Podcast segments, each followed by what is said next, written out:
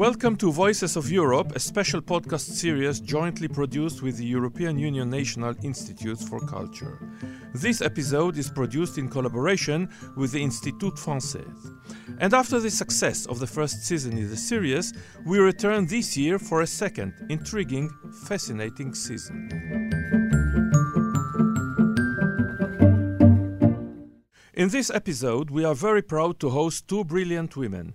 Emmanuelle Charpentier from France, microbiologist based in Berlin, co discoverer of the transformative CRISPR Cas9 gene editing technology, Nobel Prize laureate in chemistry of last year, 2020 and Professor Hagit Messer Yaron of Tel Aviv University, chairwoman of Bashar Academy for Society in Israel, who served as chief scientist at the Israeli Ministry of Science and as president of the Open University.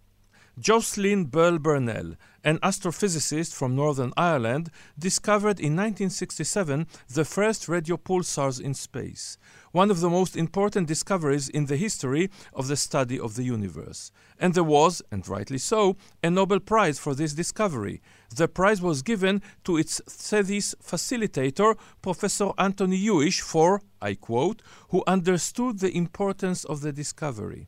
She too understood. It was her discovery, but she was both a junior and a woman. In 1993, science historian Margaret Rossiter coined an expression called the Matilda effect, named after women's activist Matilda Jocelyn Gage, who first described the phenomenon in the late 19th century, attributing to a man the achievement of a woman, sometimes his wife, sometimes a colleague. For example, Hilde Mangold discovered the embryonic organizer, which is responsible for gastrulation. Her facilitator, Hans Spemann, traveled to Stockholm to receive the Nobel Prize for it. Jewish Austrian physicist Lise Meitner worked with the German Otto Hahn for decades. She designed experiments, he performed them, she understood their meaning and planned the next experiment. The duo cracked the atom. By the way, she continued to work with him from Stockholm, where she escaped, while he remained in Nazi Germany. He received the Nobel Prize after a Swedish professor of physics vetoed the idea of a woman receiving the prize. Emmy Noether is considered the most important woman mathematician of the 20th century. When women were finally allowed to do a doctorate, she did, with honors, in 1907. And then academic career, yes? No way. Even with a PhD, she was still a woman. Therefore, such a position was not possible for her. More precisely, a job was, but without payment or credit or official recognition. And of course, the story of Rosalind Franklin, whose work was transferred behind her back to her competitors who won the Nobel Prize, is one of the most well known acts of injustice in the history of science. We've all heard of Marie Curie, but she is the exception not the rule. And she too first got a professorship only after her husband was killed in a carriage accident and she inherited his chair, the first in history, and that was three years after she received the Nobel Prize. So, the topic of our conversation today is women in science, with an emphasis on hard science. First of all, I'd like to ask you, Dr. Charpentier, the data on women in science is well known at the Nobel Prizes in physics, chemistry, economics, the Turing Prize, women are less than 5% of the winners. In medicine, close to 6. What is the reason, in your opinion? I think for the past uh, 30 years, we have seen an increasing number of uh, women in uh, scientific leading positions. Mm-hmm. And uh, since uh, the Nobel Prizes recognize discoveries, some of which were made 20 or 30 years earlier, I would expect to see an increase in the number of women laureates in, in the years to come. But still, you know, the numbers, Dr. Charpentier, in the higher echelon of academy, still women, especially in hard sciences, are what? 15, 20, 25%? Yes, indeed the possibilities for women have changed in the sense that, uh, at least in uh, in a number of countries, there is really a, a, an effort mm-hmm. to really promote women in science and to also make sure that uh, during decision processes for giving professorships or also giving prizes that women are considered. However, it is true that the evolution is very slow, and my opinion is it is increasingly more difficult to encourage young women, but also young men, to choose science as their education, and then as well as to encourage them to pursue a career in, in science or in basic research. And even more difficult for maybe women. I witnessed more the last years young women, let's say, giving up quite early in their career. Professor Messer-Yaron, what weighs more on the decision for young women to pursue scientific research, would you say? Family, society, inspiring teacher? Maybe I will first refer to the question you asked uh, Dr. Charpentier, because uh, in a way I'm less optimistic than her. Mm-hmm. I've been dealing with the women in uh, science for many years. I follow the data and uh, I don't see change. At the end of the day, the culture of university, of research community is such that there are some inherent uh, benefit and advantages to men. When you, you look at the statistics, the change is negligible. And I personally believe that we are going to have a change only when the culture change. will change, when we will measure merit and excellency in a different way, in a more comprehensive way, giving more weight to long term commitment and not only to impact factor. So the challenge is still there. And if we want to see a change, then we need to do something more significant. Do you think there are any differences, genetic, social, cultural, between what is called the male and female brains, so to speak, in thinking, in behaving. After all, we males are more violent. That's a fact, for one. Women give birth. Does those factors, and there are more, change us when it comes to science, when it comes to competitiveness, when it comes to the workplace? I like to believe that scientists are scientists mm-hmm. and, and, they primarily follow and learn scientific methodology. Mm-hmm. I have worked with many men and women, as a matter of fact, and surely women can feel and uh, experience things differently than men. They express themselves differently, right? Of course. But I would like to believe that it's more the, the education, the culture, and the social and family background that shapes us and that makes us unique and different. I think what is really, really important to mention is that in our days, uh, at least this is what I observe, young men and women in science, they like to work in an environment whereby you have a diversity of gender and culture. And this is really on the positive side. Does a woman, in your opinion, bring a different way of thinking, a different way of looking at things, generally speaking, than a man? In a way, it enhances our way of looking at science if we have a different perspective, a different way of looking at things, no? I agree with Dr. Charpentier that there is no typical uh, male or female brain, and there is a mixture in each and any of us, but there are cultural differences. And uh, this culture makes science by women being a bit different. When you look at uh, multidisciplinary science, for example, you see more women there they are more open to different fields and, and they are more open to managing a house, cooking, taking care of the children historically and culturally. So they are more multitasking, which is better characteristic for multidisciplinary science. So men are very much uh, excellent in homogeneous or coherent uh, science, like, like uh, physics or mathematics, something which is one dimensional, but once you go into something which is more uh, uh, complex, you see more women. So there are differences. When we talk about women in science, we used to talk about science for women, science about women, and science by women. And I believe that science by women brings another dimension to science. So that's why it is very important to keep diversity in science. Otherwise, clone people creates cloned idea we don't want cloned idea in science. We want to have uh, innovative, great ideas, and for this we need diversity. Are we closer with your technology to have the ability to cure genetic diseases? You can cure genetic diseases right now. certain genetic diseases. Mm-hmm. Uh, with CRISPR-Cas9, there are some successful t- clinical trials using uh, the technology as a gene editing technology combined with cell therapy to cure certain blood disorders and also certain uh, eye genetic disorders in adults. So this is very nice uh, development for curing certain genetic disorders. And you have also the technology being applied successfully in some clinical trials to treat certain cancers such as leukemia. So the medicine is uh, going right now very much into this uh, direction of using the technology to cure diseases in uh, adults and children. You worked on this uh, technology in collaboration with uh, Jennifer Doudna from the United States, and now you worked with another researcher from another country. How does it work? And of course, both of you, women, received the Nobel Prize in Chemistry for this year. How does it work? How do you do it?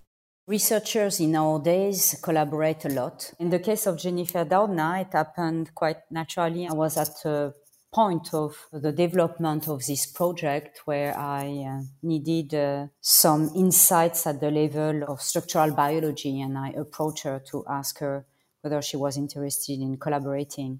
Having said this, a, a collaboration involves uh, lab members, and the success of a collaboration is pretty much linked also to how the lab members engage in the collaboration will work uh, together. And in this case, it worked very nicely. And so this was a, a rather short but very effective collaboration.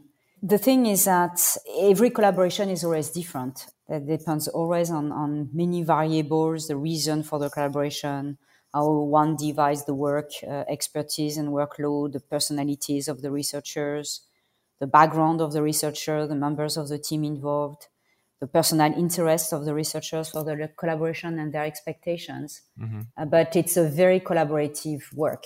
How did it feel when the call comes and uh, somebody says, Dr. Charpentier, please wait, we have a phone call for you from Stockholm? You expected it in a way. I mean, everybody in the world expected that you will receive, both of you, the Nobel uh, Prize for your discovery.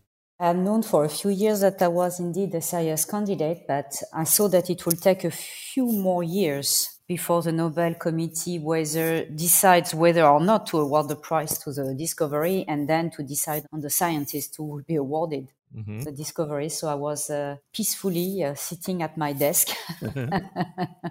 when I received the call. Uh, it's a strange feeling because you're, you're prepared, and in a way you're extremely surprised, and I was very emotional. Of course, you. I mean, the highest prize that the human race can give. Some might say science is about facts. It's about excellence. What does it matter if the discovery is done by a man or a woman? The fact that uh, women and men are not equally presented in science a kind of make your observation questionable because if we believe that uh, the ability to make good science is, is similar to men and women. If everything was objective and only based on fact, it should have been different. And I think that the fact that uh, women are underrepresented in science actually is bad for science because it, it makes questions over the objectivity and the truth of science if you cannot be objective with respect to the scientists if you cannot uh, give the same condition to women and men to get the best out of their abilities, to explore their abilities, then maybe science is not as objective as we thought. Generally speaking, it doesn't matter once you get to the scientific result if it has made by a man or a woman. But the probability for women to get credit for what she did, and you started with this in your introduction, is lower than the probability that a man will get uh, credit for what his female assistant did. These days, we have also the toxicity of social networks. There is the case of Katie Bowman, an astrophysicist. There was a huge discovery of a black hole, and she posted a very nice selfie showing her and her team. And she's a very young professor at Stanford and her team. And she didn't say she did all the work, but they were happy about it. And then there was a concentrated attack on her, a young woman, American Jew, perhaps it is connected also. It was an attack very personal. We see the misogyny in the high tech world and we see it in uh, the gaming world. Do you see it infiltrating uh, academia as well? Yes, in a way, definitely so. It is received differently if a man or a woman say the same thing or, or promote herself or himself. And uh, yes, this is a cultural uh, issue, as we mentioned before. Mm-hmm. I, I agree with Dr. Charpentier. I feel the difference now. I mean, I think it is better now that it has been 30 years ago. And, and in this sense, I'm optimistic that there may be a change, but it will take years, and, and we cannot count only on evolution. We need to be more proactive to change the culture and the atmosphere in research and scientific institute to make it uh, better for uh, women so they can mainstream mm-hmm. into the atmosphere. Also, when they promote themselves the same way that many men do. Do you try, in a way, to be, so to speak, a role model for young researchers? Do young women come to you and say, Help me, please? How do you do it? Give me an inspiration? Frankly, right now, I don't do it so much. Mm-hmm. Because of lack of time and because I organize myself to be able to be more effectively doing it starting next year. Mm-hmm. I'm just in a kind of maybe difficult situation whereby I have to set up my own uh, lab slash small institute, but also to put a system in place to be able to spend more time for exactly those issues. And now I would like to go back to misogyny. So it's it's very complex. I mean, I guess it's everywhere, and it's it has always been, and it still uh, is. Maybe expressed differently now in mm-hmm. nowadays. This is complex because my experience, and for sure now I am very free to actually uh, do what I want to do. And this is a huge luxury. Mm-hmm.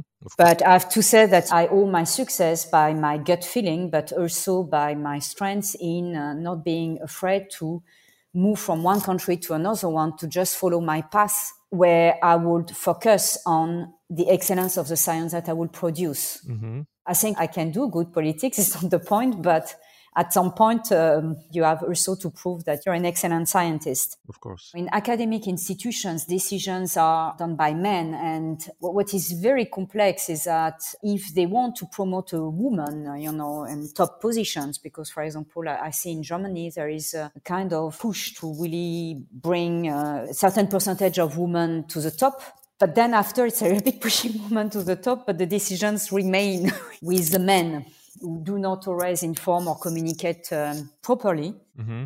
to the woman in leading positions. So it's quite complex. I hope for an evolution whereby it will be science for women and men, by women and men, and about uh, women and men that is the only way to increase, uh, you know, science for women, uh, science by women, and science about women. I think it has to be about both finding a ways to work together, respecting one another, and men accepting that maybe women, you know, we, we are maybe not uh, so much keen on on this networking and spending so much time in doing politics and networking.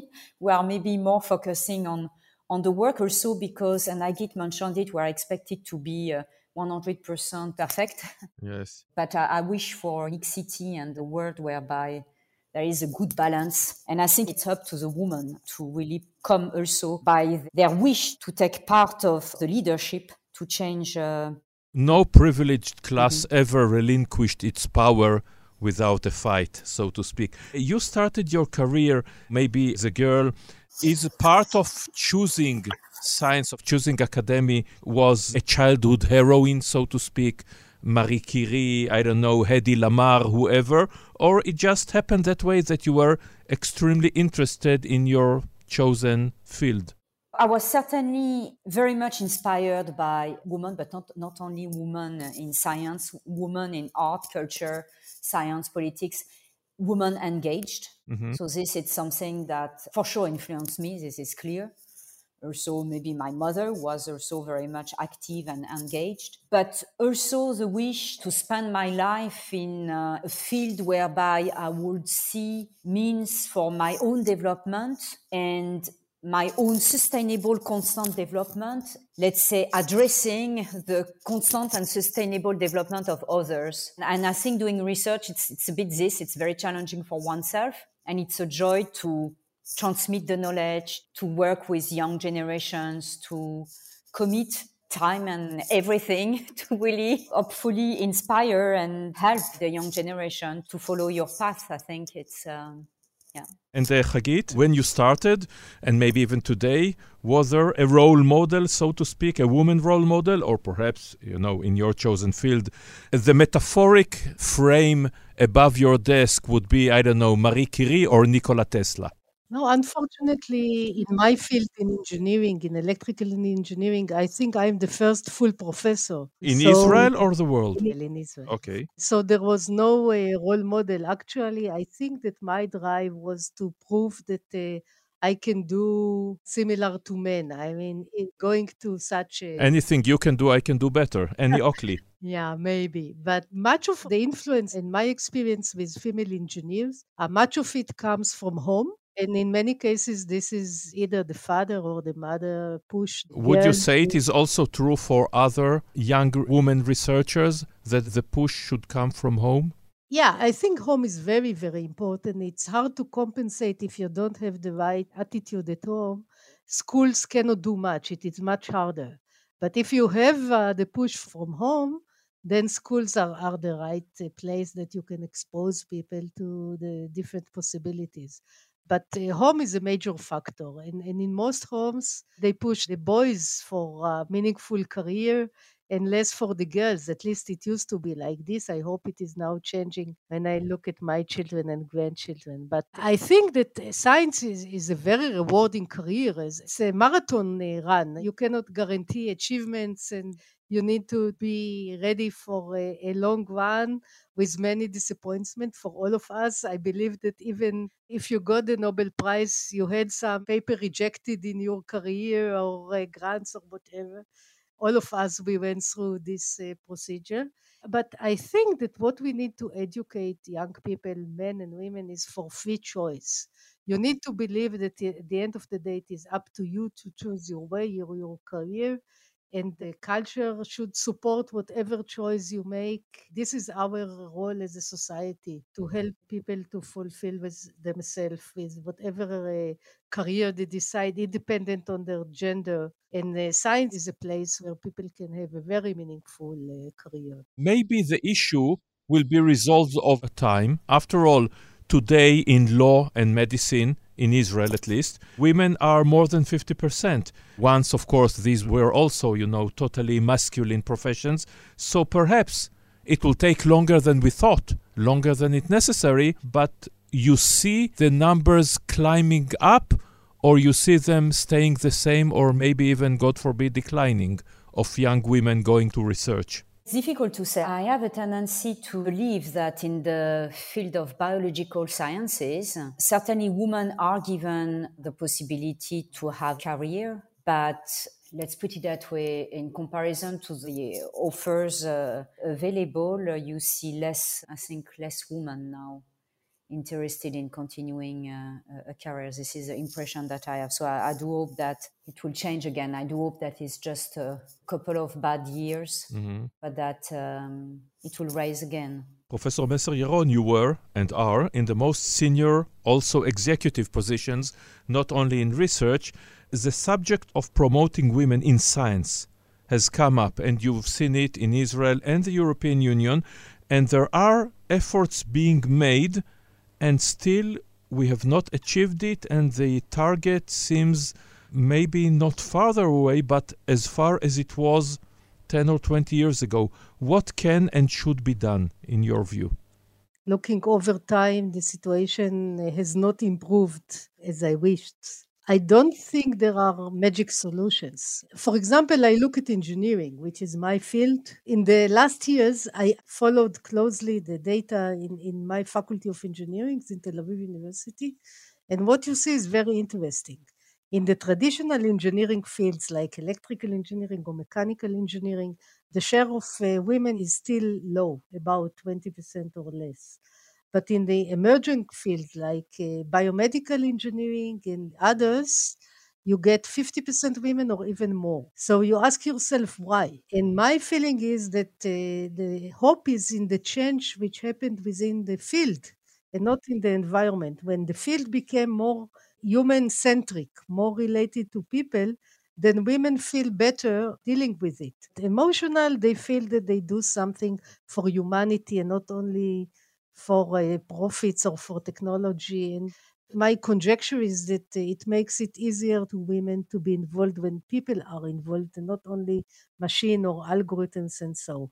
And there is a change now in technology. The technology become more and more human centric if you talk about artificial intelligence or this kind of algorithms then it, it is about people at the end of the day. I can uh, see a change because science is changing in the vertical uh, dimension we need to have a revolution. Evolution will not solve the problem. Thank you very much for these thoughts. Thank you very much, Dr. Emmanuelle Charpentier from France, head of the Max Planck Unit for the Science of Pathogens in Berlin, winner of the 2020 Nobel Prize in Chemistry, and Professor Hagit Messer Yaron, chairwoman of Bashar, Academic Community for Israeli Society, former chief scientist at the Israeli Ministry of Science and president of the Open University, for joining us for this gripping conversation. This was a pleasure. It was a pleasure for me too. In the next episode, we will discover how science won the battle with COVID 19, how cryptocurrency is changing the digital world as we know it, and meet many more interesting guests. Search Voices of Europe in your favorite podcast app, Spotify, Apple, or Google. Subscribe and rate us. I am Oren Nahari. See you in the next episode. Goodbye.